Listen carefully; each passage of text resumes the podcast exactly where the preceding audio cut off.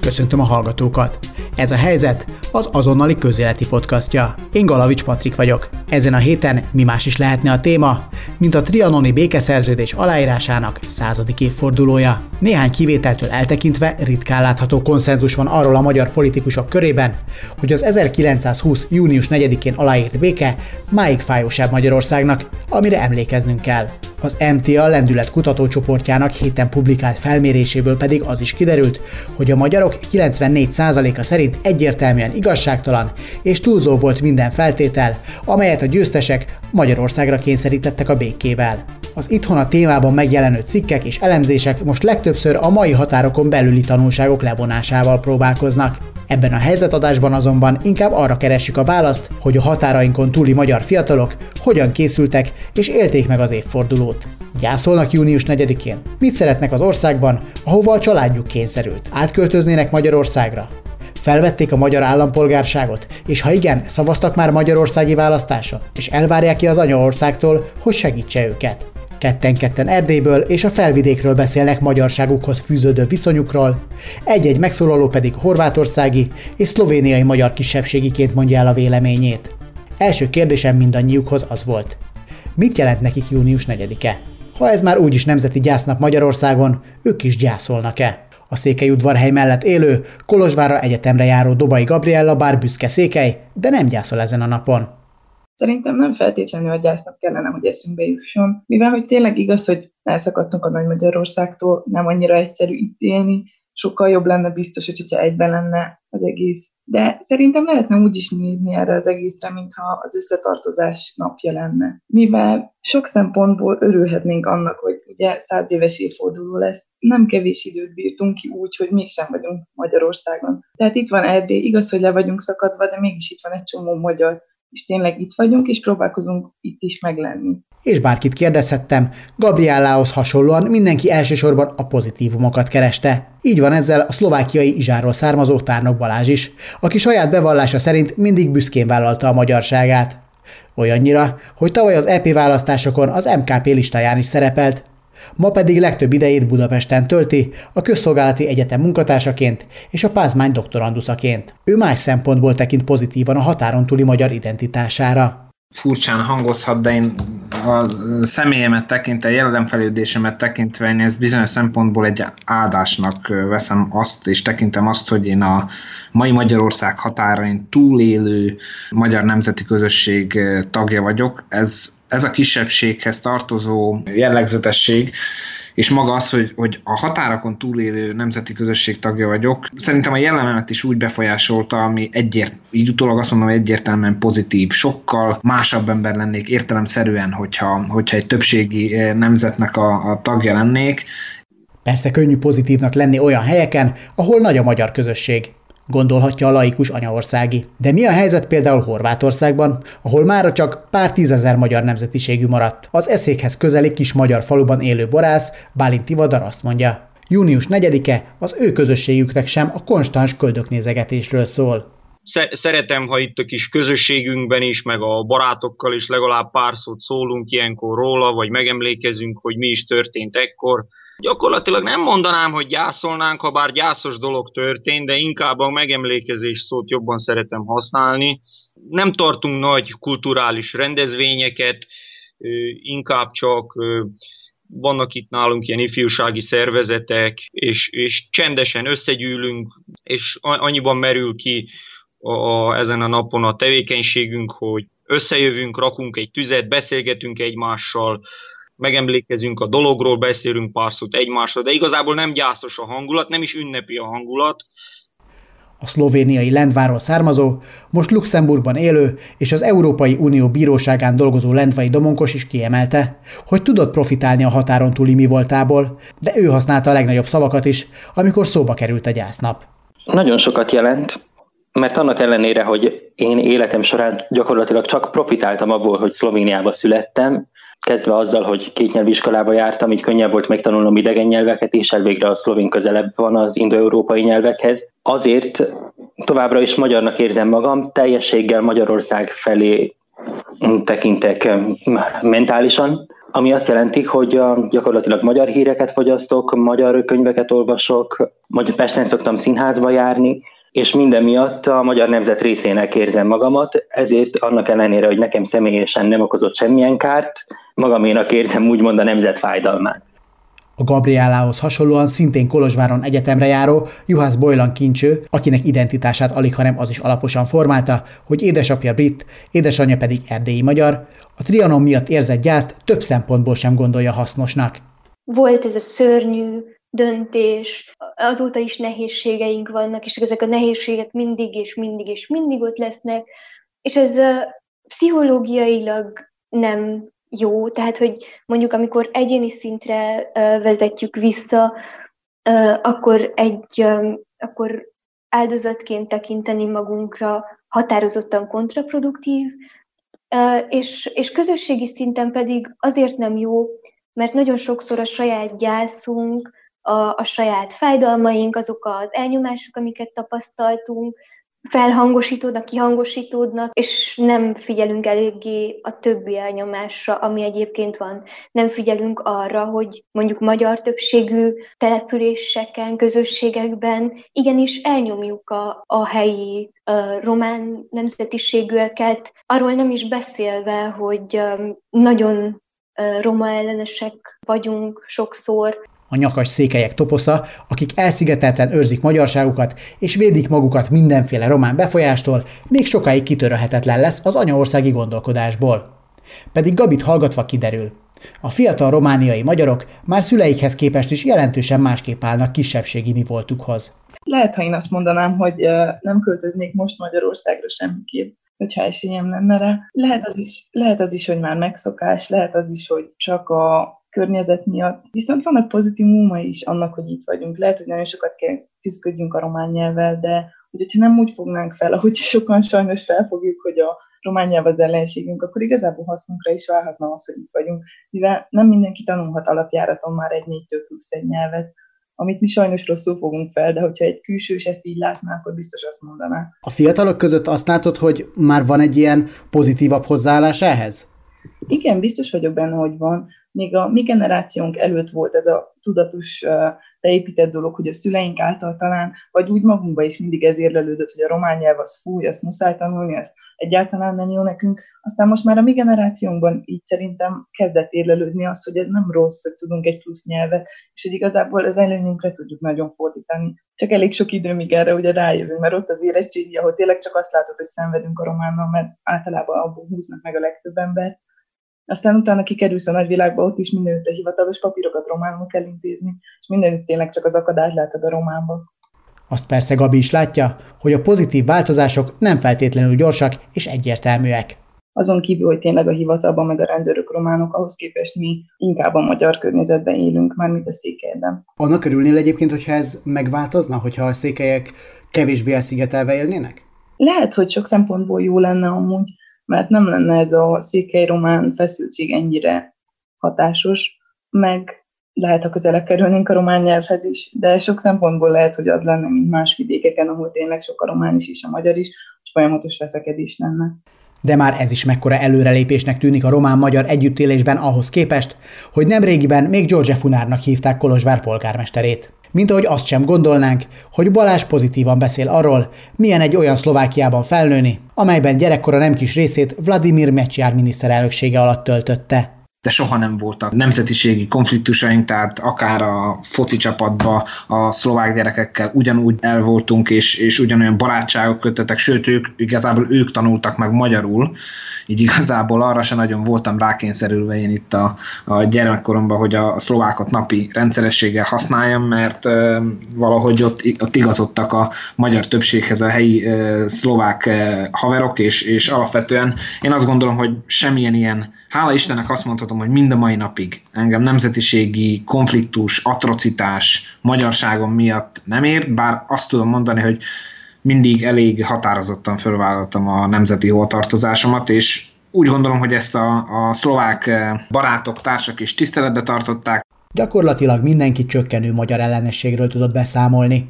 Néhány kivételtől eltekintve a szomszédos államok politikusai ritkán játsszák ki mostanában a magyar kártyát, ezért volt Klaus Johannis román államelnök áprilisi magyarozása különösen megdöbbentő. De vannak olyan politikai változások is, amik csak első ránézésre tűnnek megnyugtatónak a határon túliak szempontjából. Domonkos szerint erre példa Janez Jansa szlovén miniszterelnök jó viszonya Orbán Viktorral.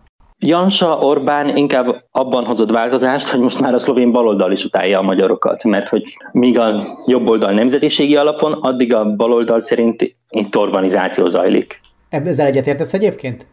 Nem ilyen formában. Viszont tény, hogy um, sajnos a magyar állami támogatásokon keresztül Szlovéniában is megjelent, amiről egyébként a Magyar Narancsban is cikkeztek, bár eléggé pontatlanul, az az igény, hogy legyen egy erős ember, akin keresztül aztán a nemzetiséget irányíthatják, illetve jöttek ide is különféle támogatások, amik aztán nem a legjobban hasznosulnak, a magyar kormány támogatásaira még visszatérünk. Viszont ahogy az előbb hallottuk, Gabriella kétszer is meggondolná, hogy egy jó lehetőség miatt elhagyja a szülőföldjét és Magyarországra költözzön. Horvátországból nézve azonban Tivadar szavaiból ítélve úgy tűnik, nagyobb az anyaország vonzereje. Köztünk fiatalok között érdekes mód ez a téma sokszor fölkerül. Ugye mindig mi horvátországi magyarok vagyunk, azért csak-csak összehasonlítgatjuk a két országot. Közel is van hozzánk, jártunk is át és rokonaink, barátaink vannak ott, akik ott maradtak, vagy akik nem is suliztak ott, de átmentek oda. Jelen pillanatban azt nézzük, most ha összehasonlítjuk, hogy az ilyen fiataloknak, mint mi például nekem is,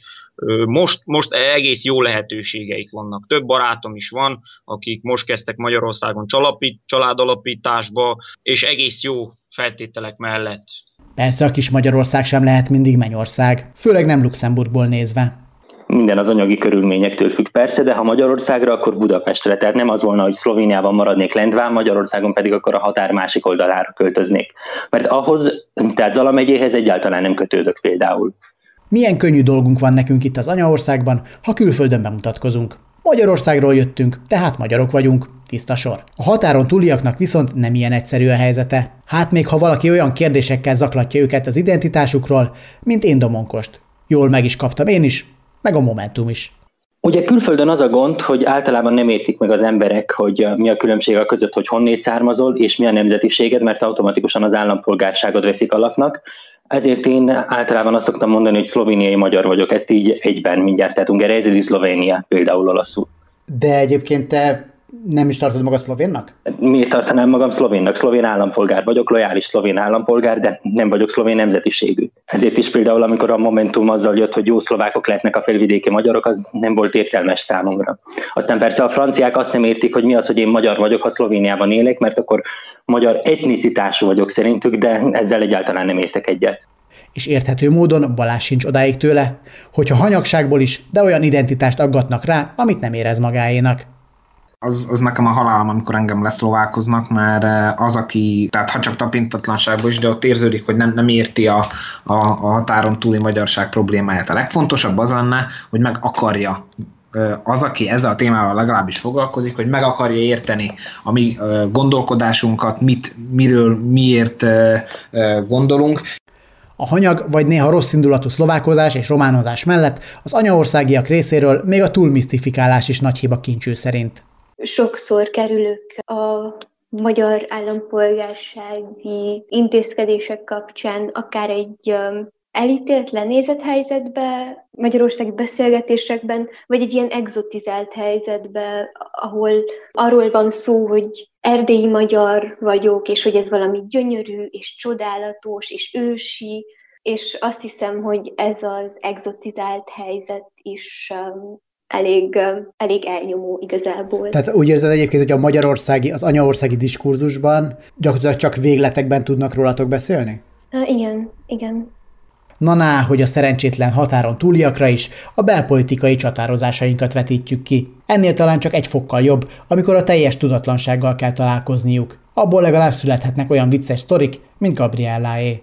Igen, ennél szerintem a legdurvább élményem az volt, amikor egy testvér iskolánk Sopronból érkezett hozzánk, és beérkeztek az osztályba, és teljesen úgy néztek ránk, hogy most mi nem fogunk tudni magyarul beszélni, aztán megszólaltunk, és ők le voltak fagyva, hogy ez így, hogy tudunk mi, hogy nem románul kellene, hogy beszéljünk. Meg akkor érkezett egy ilyen kérdésük is, hogy itt van wifi, és akkor egy kicsit így leálltunk, hogy, hogy annyira azért nem rossz a helyzet. Szerencsére a határon túliak és az anyaországiak viszonyában vannak emelkedettebb pillanatok is. Kérem, szavazzanak a minősített többség szabályai szerint. Köszönöm. 2010 májusában ünnepelte így az országgyűlés az egyszerűsített honosítás szabályainak elfogadását, amelynek értelmében a trianoni határokon kívülre szorultak és leszármazottaik sokkal könnyebben juthatnak magyar állampolgársághoz. Az állampolgársági eskü letétele viszont már nem sikerült mindig olyan emelkedetre. Kincsőnek legalábbis nem sok magasztos élménye van róla. Elérkezett a nagy nap, és akkor elmentünk ebbe a terembe, betereltek, beszéd, utána pezsvő a felnőtteknek, ásványvíz a gyerekeknek, és aztán kitereltek és beterelték a következő csoportot, és az egész nagyon, nagyon olyan volt, mint, mint egy, egy ilyen táncóra, ahol ugyancsak bementünk, lejárt, kijöttünk, így valahogy nem, nem volt túlságosan felemelő élmény, inkább ez, a, ez, a, ez az abszolút mechanizmus, ami, ami nekem megmaradt. Kincső ráadásul azt mondja, annak idején a magyar állampolgársága felvételéről szülei döntöttek. Ő mai fejjel már nem kérvényezné. Nem venném fel, és ez egy racionális döntés lenne, mivel ez egy olyan helyzetet teremt, ahol én szavazhatok nem helyben történő ügyekről, Oké, okay, hogy ezt, hogyha felveszed az állampolgárságot, azzal, azzal automatikusan jár, de ugye nem kötelező szavaznod. Tehát, de neked a, maga az állampolgárság felvételét is kizárja már ez a szerinted igazságtalanság? Hát azt hiszem, hogy ez alapvetően erről szól. Tehát, hogy azon kívül, hogy azoknak az embereknek, azoknak az erdélyi uh, magyar származású embereknek, akik felvették, ez, ez jelent valamit, és jelent egyfajta elismerést, azt gondolom, hogy ez egy, ez egy papírforma, amit megkaptak, és úgy érzik, hogy bizonyos mértékű igazságot szolgáltatott ez nekik, úgy érzik, hogy ez, ez válasz azokra az elnyomásokra, amiket egyébként tapasztalnak. Viszont nem hiszem, hogy ez a kisebbségi jogaik érvényesítését ez előmozdította volna. Az állampolgársággal járó szavazati jog persze már más kérdés, ami az anyaországban is megosztó téma, és a határon túliak között is. Tivadar például nagyon másképp látja a magyar kormány határon túliaknak nyújtott támogatását. Nyilván itt azt szokták ellenünk példálózni, hogy, hogy nem adózunk ott, és akkor ne szóljunk bele Magyarországra. De erre azt a választ szoktam adni, hogy én mivel borászkodok, szoktunk átjárni Magyarországra egy-két borfesztiválra, hangsúlyozom, nem sokra, és ezáltal, ami, amit forgalmazunk borokat, azután leadózunk, így valamelyest azt az indokot, mikor mondják, hogy te figyel, nem is adózol semmi között Magyarországhoz, én rám az nem igaz, mert, mert adózunk, és mostanában az utóbbi időben egy csomó határon átnyúló magyar pályázat van, amivel pénzügyileg is, meg ilyen-olyan módon támogatnak minket. Nyilván ez a mostani kormány. Azt érzem, hogy igen, felelősségem kicsit ebből valamit visszaadni. De mi van, ha valakinek határon túliként nem a Fidesz a legszimpatikusabb magyarországi párt? Domonkos szavaiból kiderül. Két Magyarország gyűlési választáson is szavazott, és egyszer sem az ezt neki lehetővé tevő Fideszt és KDNP-t támogatta a voksával. 14-ben és 18-ban is. Aztán a végleges eredményeket elnézve nem tudom, hogy vagy csak én szavaztam úgy, ahogy szavaztam, vagy pedig a borítékomat, mivel nem úgy szavaztam, ahogy azt szerették volna, elsőjeztették valahol. Tehát szavaztam annak ellenére, hogy erősek a kételjeim a szavazás tisztaságát illetően. És egyébként 22-ben is tervezel szavazni? Most már mondod, hogy egyrészt kételjeid vannak abba, azzal kapcsolatban, hogy tiszta ez az egész, a, a levélszavazás, hogy a határon túli akkor ezt megoldják. Másrészt pedig ugye van egy olyan érvelés, hogy hát aki nem él itt, az ugyan oké, okay, hogy megkapja az állampolgárságot, de hát ha nem él itt, a következmények sem fogják ők, őt úgy érinteni. Ezzel a magyarázattal úgy vagyok, hogyha, hogy igen, van benne racionalitás, de akkor vezessék be a cenzusos, cenzusos választórendszert is. Mert ugye az azért, hogy aki nem itt fizet adót, de hát sajnos a kis nyugdíjasok, munkanélküliek, segélyen élők, stb. szintén elég kevés adót fizetnek, úgyhogy ez nem lehet érv. Ha azonban a szavazati jogtól elvonatkoztatunk, a magyar állampolgárság felvétele akkor is jelentős előnyökkel járhat, ahogy az Gabriella elmondásából is kiderül. Az, hogy van magyar állampolgárságunk, az is számunkra szerintem elég nagy előny volt, pont ebből a szempontból, hogyha kimegyünk, akkor ott van a magyar igazolvány is, inkább azzal jelenünk meg, mint a románnal. Egyébként az állampolgárság felvétele az inkább érzelmi kérdés volt neked, vagy egy ilyen, hogy mégis jobb magyar igazolványjal akár Ausztriába menni ezek szerint, mint, mint Románnal? Hát igazából ez nálunk ilyen alapvető dolog volt. Én még eléggé kisebb gyerkőc voltam, amikor felkerült a dolog, de inkább érzelmi volt gondolatom szerint. Akkor még annyira nem volt fontos, hogy most magyar igazolványon mit tudunk elérni később, hanem az volt a fontos, hogy legyen róla bizonyítványunk, úgymond, hogy mi tényleg magyarok vagyunk. Van azonban olyan is, akinek a trianoni évforduló vagy a magyar származása nem játszik ilyen központi szerepet az életében. Ilyen Szabina Szabadosova, aki egy komárnói multinál dolgozik trénerként, korábban pedig egy évet Budapesten is élt. A többi megszólalóval ellentétben őt régebb óta ismerem. Elmondása szerint a trianoni évfordulóra csak az én megkeresésem emlékeztette. Ahogy mondta, megbeszéltük, hogy itt találkozunk, stb., csak rám írt a anyukámmal beszéltem erről a témáról, ő is kérdezte tőlem, hogy hát te hogy érzed magad szlováknak, vagy magyarnak, és nekem csak az jut az eszembe, hogy én ember vagyok, tudod, hogy én nem nagyon szeretek ezzel foglalkozni, hanem inkább más oldalról szeretek ránézni az emberekre. Jól emlékszem, mennyire meglepődtünk mi, anyaországi magyarok, amikor első találkozásunkkor kifejtette, hogy ha bár ő magyarul is beszél, nem tekint magára szigorúan magyar kisebbségiként. A szlovák többségi társadalom viszont sokszor mégiscsak kisebbséginek könyvelte el. És egyébként a szlovákok ők mindig szlováknak tartottak téged. Nem, nem, nem, nem, nem. Mikor például Pozsonyba elkezdtem járni főiskolára, ott, ha megkérdezték, honnan vagyunk, vagyis honnan vagyok, akkor mindenki mindjárt magyar, automatikusan magyarnak vett minket. És például olyan osztály, volt osztálytársaimat még gimiről is, akik abszolút nem tudnak magyarul. Csak ha megmondtuk, hogy Komárnóból vagyunk, akkor mindenki, ja, ti magyarok vagytok. Egyébként emiatt téged ért bármilyen hátrány, vagy ez csak egy megállapítás, és, és kész? Most már nehéz így visszagondolni, de úgy emlékszek, hogy ez nem volt annyira úgy kellemes. Tudod, mert én sose vettem azt, hogy én sose vettem hátrának, hogy én tudok magyarul. Én inkább nagyon örültem, mert nyáron tudtam, hogy az azt jelentett nekem, hogy nyáron mindig elmentünk a Magyarországra, rokonokhoz, stb., úgyhogy tudtam velük beszélni, minden. Mikor fősulin így voltunk, akkor így inkább cikinek vették az emberek, hogy hát mi Kománóból vagyunk, és magyarok vagyunk mert annó még tudod, hát a Slota, a Slota azt szerintem ismered, ő így nagyon keverte az embereket azzal, hogy hát a magyarnak lenni nem jó.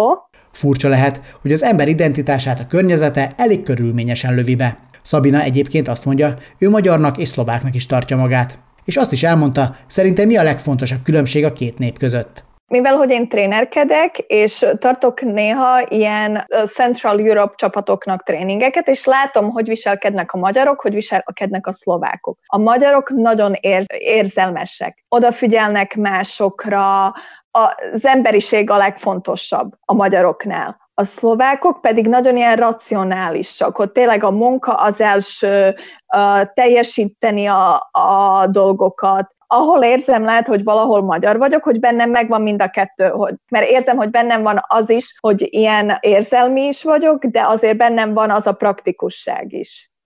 Na, kiszámított arra, hogy valaki a magyarok emberségességét emeli ki a sokadik migránsozós kampány után. Úgy néz ki, nem lehet minket elrontani. Az kevésbé meglepő, hogy Tivadar a horvátok nemzetképét hozza felkövetendő példaként. Kicsit néha irigylem a horvátok mentalitását, akár ha sportot is említjük, horvátok nem sok olyan sportban jók, mint például a magyarok, de például fociban elég jók, és ez a mentalitásuk, ez a kicsit eh, nacionalistább, vagy úgy szoktam fogalmazni, egészséges nacionalista hozzáállásuk az nem rossz, az nem rossz. Azért ők, ők meg-megverik a mellüket, hogy, hogy dobog a mellük, hogy ők horvátok. E, ezt, ezt úgy néha irigylem tőlük, hogy ezt nekünk is kéne többször alkalmazni, csak úgy egészségesen. A Tivadar által emlegetett egészséges nemzeti büszkeség fontos lehet, hogy a magyar közösségek megőrizzék az identitásukat. De mivel az utóbbi évtizedekben a magyarok szinte mindenhol egyre kevesebben vannak, azt a kérdést is feltettem a megszólalóknak. Szerintük az unokáik beszélnek majd magyarul? Gabriellának ez határozott célja. Nagyon-nagyon remélem, hogy igen. ez fontos neked egyébként? Igen, nagyon fontos, mivel nálunk a családban van egy ilyen pont négy még Ausztráliában laknak, és úgymond ők a példaképeim, ők már nagyon-nagyon rég kiköltöztek, és az unokák ott is magyarul beszélnek. Szóval mindig ezt tartom magamból, hogy ha ők képesek megtartani a magyar nyelvet, akkor én is valahogy muszáj lesz. Kincső a nyelvtudás kérdését nem tartja ennyire kardinálisnak. Nekem nem fontos, bár azt hiszem, hogy veszítenének azzal, hogyha nem ismernék ezt a nyelvet, ezt a kultúrát, nem ismernék azokat a szerzőket, akik, akikkel találkoztam. Nem tudom, hogy fognak-e magyarul beszélni. Azt hiszem, hogy ez elsősorban nem politikai döntéseken fog múlni, hanem azon, hogy tudjuk-e ezt a kultúrát egy diskurzív kultúrává változtatni, egy, nem egy előíróvá, nem egy kirekesztővé, hanem egy olyanná, ami tud kapcsolódni más kultúrákhoz. Tivadar viszont sokkal szigorúbban fogja számon kérni a családban a magyar identitást. Szerinted az unokáid még magyarul fognak beszélni? Igen, igen, egyértelműen. Öreg emberként furkos bottal verem a bokájukat, ha nem fognak. Itt a horvátok, ugye mondtam, hogy hagynak minket, és ezáltal az asszimiláció borzasztó gyors nem bántanak, még szomszédunkba, Vajdaságba magyarokat, persze nem mindenhol, de nagyobb, na, nagyobb atrocitás éri, jobban magyar ellenes a hangulat, ott, ott, ott akkor keményebben kiállnak a magyarok magukért. Még minket itt nem piszkálnak, és úgy el, ellangyosodunk egy kicsit, úgy azt szoktam érezni. Persze ez nem jó, nem azt szeretném, ha minket most vernének, vagy piszkálnának, vagy szidnának, de ezáltal, hogy, hogy a horvátok úgy minden jogot megadnak, azt érzem, hogy úgy nagyon langyosodunk. Szabina pedig kettős identitás ide vagy oda, vagy talán éppen ezért nagyon is fontosnak tartja, hogy a családban folytatódjon a magyar tudás hagyománya. Igen, nagyon fontos nekem. Igen. Rokonokkal is, és nekem annyira segített az, hogy tudok magyarul beszélni a munkahelyemen is, hogy én nagyon, nagyon nagy benefitnek, pozitívumnak tartom ezt az egészet. Akkor ez, ez inkább egy praktikus oldala. Igen, igen, hát igen, most a praktikus oldal. De mondom az is, hogy például, ha az esküvőmről gondolkozok, akkor nekem nagyon sok magyar rokonom is van, vagy bármilyen szülinapi buli, nálunk majdnem minden fele, vagyis magyarul és szlovákul is van minden. Mert vannak ilyen rokonok is, olyan rokonok is. Úgyhogy nekem fontos, hogy azért megtartsuk ezt a magyar oldalt is, és tudjunk uh, együtt beszélni, vagy bármi. Úgyhogy igen, szeretném ezt folytatni biztos az anyaország, beleértve a politikát, a civileket, vagy akár az újságírókat, a megszólalók szerint akkor segíti a legjobban őket, ha kellő érdeklődéssel, megértéssel és támogatással fordul feléjük. Ők csak ennyit kérnek. Domonkos pedig azt, szólaljunk meg bátran magyarul az egykori magyar területeken. Az például megdöbbentett, amikor azt hiszem a 444-től áradozott Kolozsvárról, és sikerként élte meg inkább, hogy magyarul szólhatott, kegyként élik meg, ha ezeken a területeken használhatják a saját nyelvüket. Mert az övével ellentétben az én Kolozsvár élményem az az volt, hogy még hogy egy helynek a honlapján volt magyar nyelv elérhető, de még azon a helyen sem volt magyar étlap, illetve nem beszéltek magyarul a pincérek. Vagy hogy az utcai járos, amikor magyarul szóltam, akkor úgy nézett rám, mintha megöltem volna az anyját. Tehát ha, ha valaki a határon túl tudja használni a nyelvét, azt nem úgy kellene nézni, hogy milyen jó, milyen toleránsak velünk, mert azért ezek mégiscsak olyan területek és települések, ahol száz évvel ezelőtt magyar többség volt. Végül Kincső annyit kért, ha segítség érkezik az anyaországból, az legyen önzetlen és valóban előremutató. Ugye itt van egy nagyon erős koloniális helyzet. Egy olyan helyzet, ahol, ahol az erdélyeket, tehát és, fő, és ezt főleg a magyar kormány párt részéről érzékelem. Az erdélyeket segíteni kell, az erdélyek nem tudnak megállni a lábukon, ide pénzeket kell tenni, ide maszkokat kell küldeni, és hogy nagyon jó lenne, hogyha ezt a viszonyulást ezt fel tudnánk bontani. Nem mondom azt, hogy, hogy ez a régió, hogy ennek a régiónak nincs szüksége mindenféle támogatásokra. Nem mondom azt, hogy a magyar állami közpénzek nélkül meglennének azok a nagyon fontos intézmények, amik egyébként megvannak. Viszont az, hogy ezeket eleve segítségként kapjuk, az nem fog hozzájárulni a régió önállósulásához. És, és akkor talán, talán ezt kellene lebontani, ezt az ideológiát. Ez volt ezen a héten a helyzet. Ne felejtsetek el feliratkozni Spotify-on, a Google Podcast felületén és iTunes-on, ahol értékelni is tudjátok a podcastot. Valamint kövessétek az azonnalit Facebookon, YouTube-on és Instagramon, illetve iratkozzatok fel hírlevelünkre, a reggeli feketére. Az én oldalamat is megtaláljátok Facebookon, ahol örömmel veszem az üzenetben küldött témajavaslataitokat. Galavics Patrikot hallottátok, a figyelmeteket megköszönve búcsúzom, a viszont hallásra!